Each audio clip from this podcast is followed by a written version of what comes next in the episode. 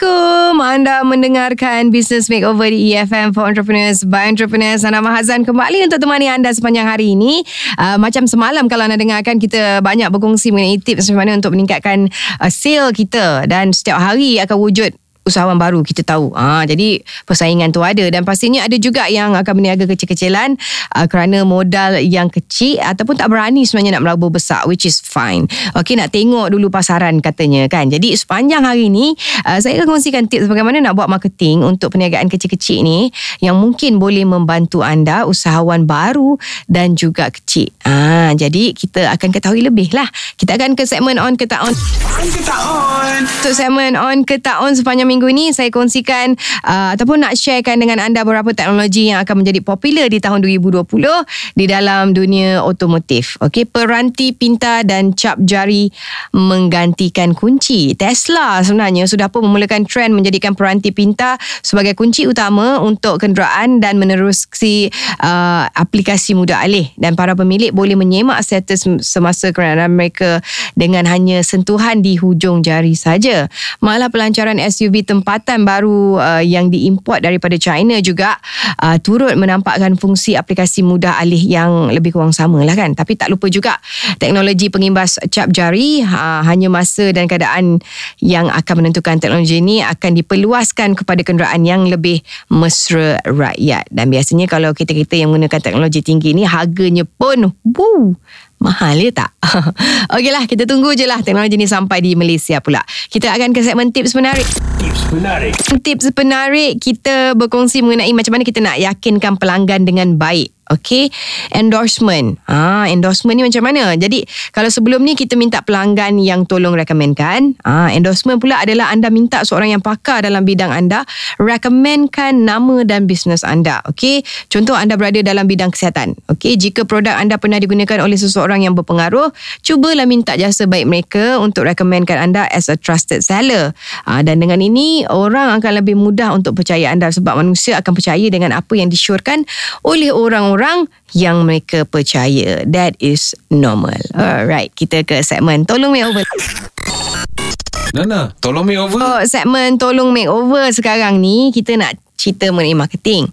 Teknik pasaran yang baik dapat memberi impak yang besar dalam kesedaran brand anda dan menjana pendapatan perniagaan. Tetapi jika salah teknik, lebih banyak masa, lebih banyak wang yang dihabiskan tu semuanya menjadi sia-sia je. Dan bagi perniagaan yang kecil, uh, peniaga harus sentiasa memberikan yang terbaik dalam pemasaran dan juga jualan. Tetapi agak mustahil lah untuk kuasai semuanya pada permulaan perniagaan. Betul? Ha, jadi jom kita ikuti ada lima tips sebenarnya untuk meningkatkan jualan bagi peniaga yang baru memulakan perniagaan yang saya kongsikan di segmen Cuba Try Test Share. Cuba Try Test Share. Uh, kita nak berkongsi mengenai uh, tips meningkatkan jualan kepada perniagaan kecil-kecilan. Yang pertama anda kena apa tahu? Kena fahami pelanggan anda. Letakkan diri anda sebagai pelanggan. Ha, sebab sebagai seorang peniaga pastinya anda juga seorang pelanggan kepada peniaga yang lain. Betul kan?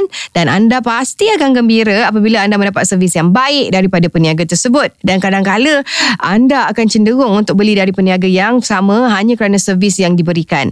Dan oleh sebab itu anda perlu yakin uh, pelanggan yang anda ni bukan jurujual biasa yang hanya inginkan keuntungan. Tetapi seseorang yang prihatin terhadap kepentingan dan juga kebaikan yang pelanggan anda akan perolehi. Dan dengan berbuat demikian pelanggan akan merasa yang anda ni peniaga yang bagus dan mungkin akan menyebarkan tentang produk anda kepada orang lain. Dan sebagai contoh adalah U-Mobile di mana mereka memasarkan servis 4G lebih meluas tidak saja hanya fokus pada harga package. Itu contoh. Jadi ramailah orang akan uh, bertukar ataupun lebih loyal kepada mereka. Dan, dan kita rasa kita nak uh, meningkatkan kita punya hasil jualan okey? Uh, kita boleh menambah baik kualiti dengan mendengar maklum balas pelanggan. Okey, pelanggan merupakan raja dalam perniagaan ataupun yang selalu kita dengar uh, pelanggan sentiasa betul. Hmm, dan dua slogan ini menggambarkan betapa pentingnya pelanggan kepada perniagaan. Dan sejurus itu mendengar maklum balas pelanggan merupakan satu kaedah untuk menarik pelanggan dan juga menambah baik kualiti produk dan juga servis.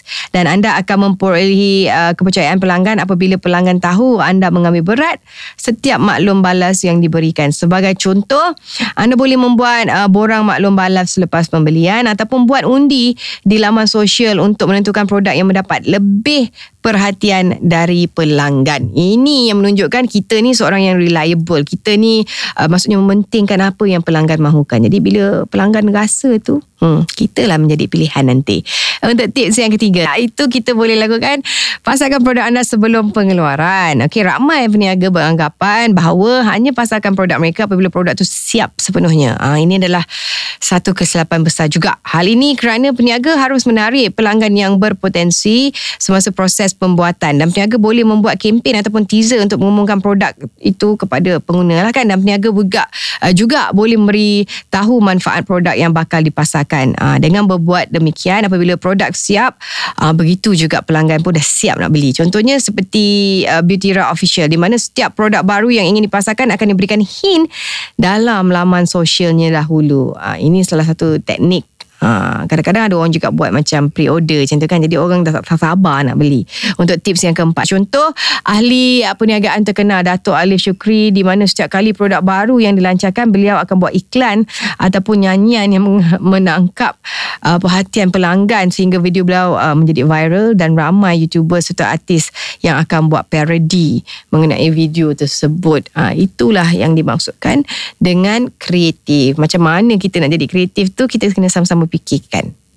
Dan bagi features ini peniaga dapat meletakkan promo code mungkin cari agent mungkin uh, memberitahu tentang referral program, uh, program ada mega sales yang bakal dijalankan ataupun lain-lain lagi. Ini secara tidak langsungnya dapat membantu mereka menguatkan lagi branding mereka dan menyebarkannya. Jadi kita bolehlah uh, pastikan kita punya pelanggan setia ni mendapat kelebihan-kelebihan yang menjadikan mereka sebenarnya duta-duta kecil untuk perniagaan kita. Uh, Okey, untuk tips yang keenam pasal social media yang terbaik untuk tingkatkan sale kita. Kita boleh gunakan media sosial sepenuhnya sebagai alat pemasaran dan teknik pemasaran hari ini ada pelbagai dan uh, medium yang boleh kita sampaikan kepada lebih ramai pelanggan. Antaranya menggunakan media sosial seperti Facebook, Instagram, Twitter, website dan sebagainya dan gunakan medium yang menjimatkan tanpa kos dan yang mudahlah untuk kita guna dan gunakan konten yang menarik termasuk gambar dan video yang boleh menyampaikan produk ataupun servis anda dan sebaiknya jika konten yang anda post akan di-share oleh orang lain aa, akan mudahkan lagi lah kerja anda untuk dapatkan sasaran pelanggan yang lebih lebih luas. Ikuti tips supaya dapat menguatkan lagi aa, dan juga dapat mengembangkan lagi jenama dan juga produk anda. Dan bagi peniaga paling penting sekali adalah konsisten. Ha, harapnya uh, apa yang kita kongsikan tadi tips-tips tadi dapat membantu anda untuk meningkatkan jualan anda dan cara yang sama juga uh, dapat meningkatkan cara marketing kita. Macam mana kita nak uh, pastikan produk kita mendapat uh, tempat di hati pelanggan Business Makeover bersama Nana Mazan. Business Makeover di EFM for Entrepreneurs by Entrepreneurs. Okey, kita dah nak habis dah. Hari ni memang dah nak habis dah pun dan besok kita akan kembali lagi untuk bincangkan topik yang berbeza pula. Kalau anda nak tahu kita nak cerita pasal apa, yang mana yang kita akan bincangkan hanya untuk meningkatkan lagi prestasi usahawan-usahawan sekalian. Jangan lupa 7.30 pagi hingga 10 pagi hanya di www.efm.live.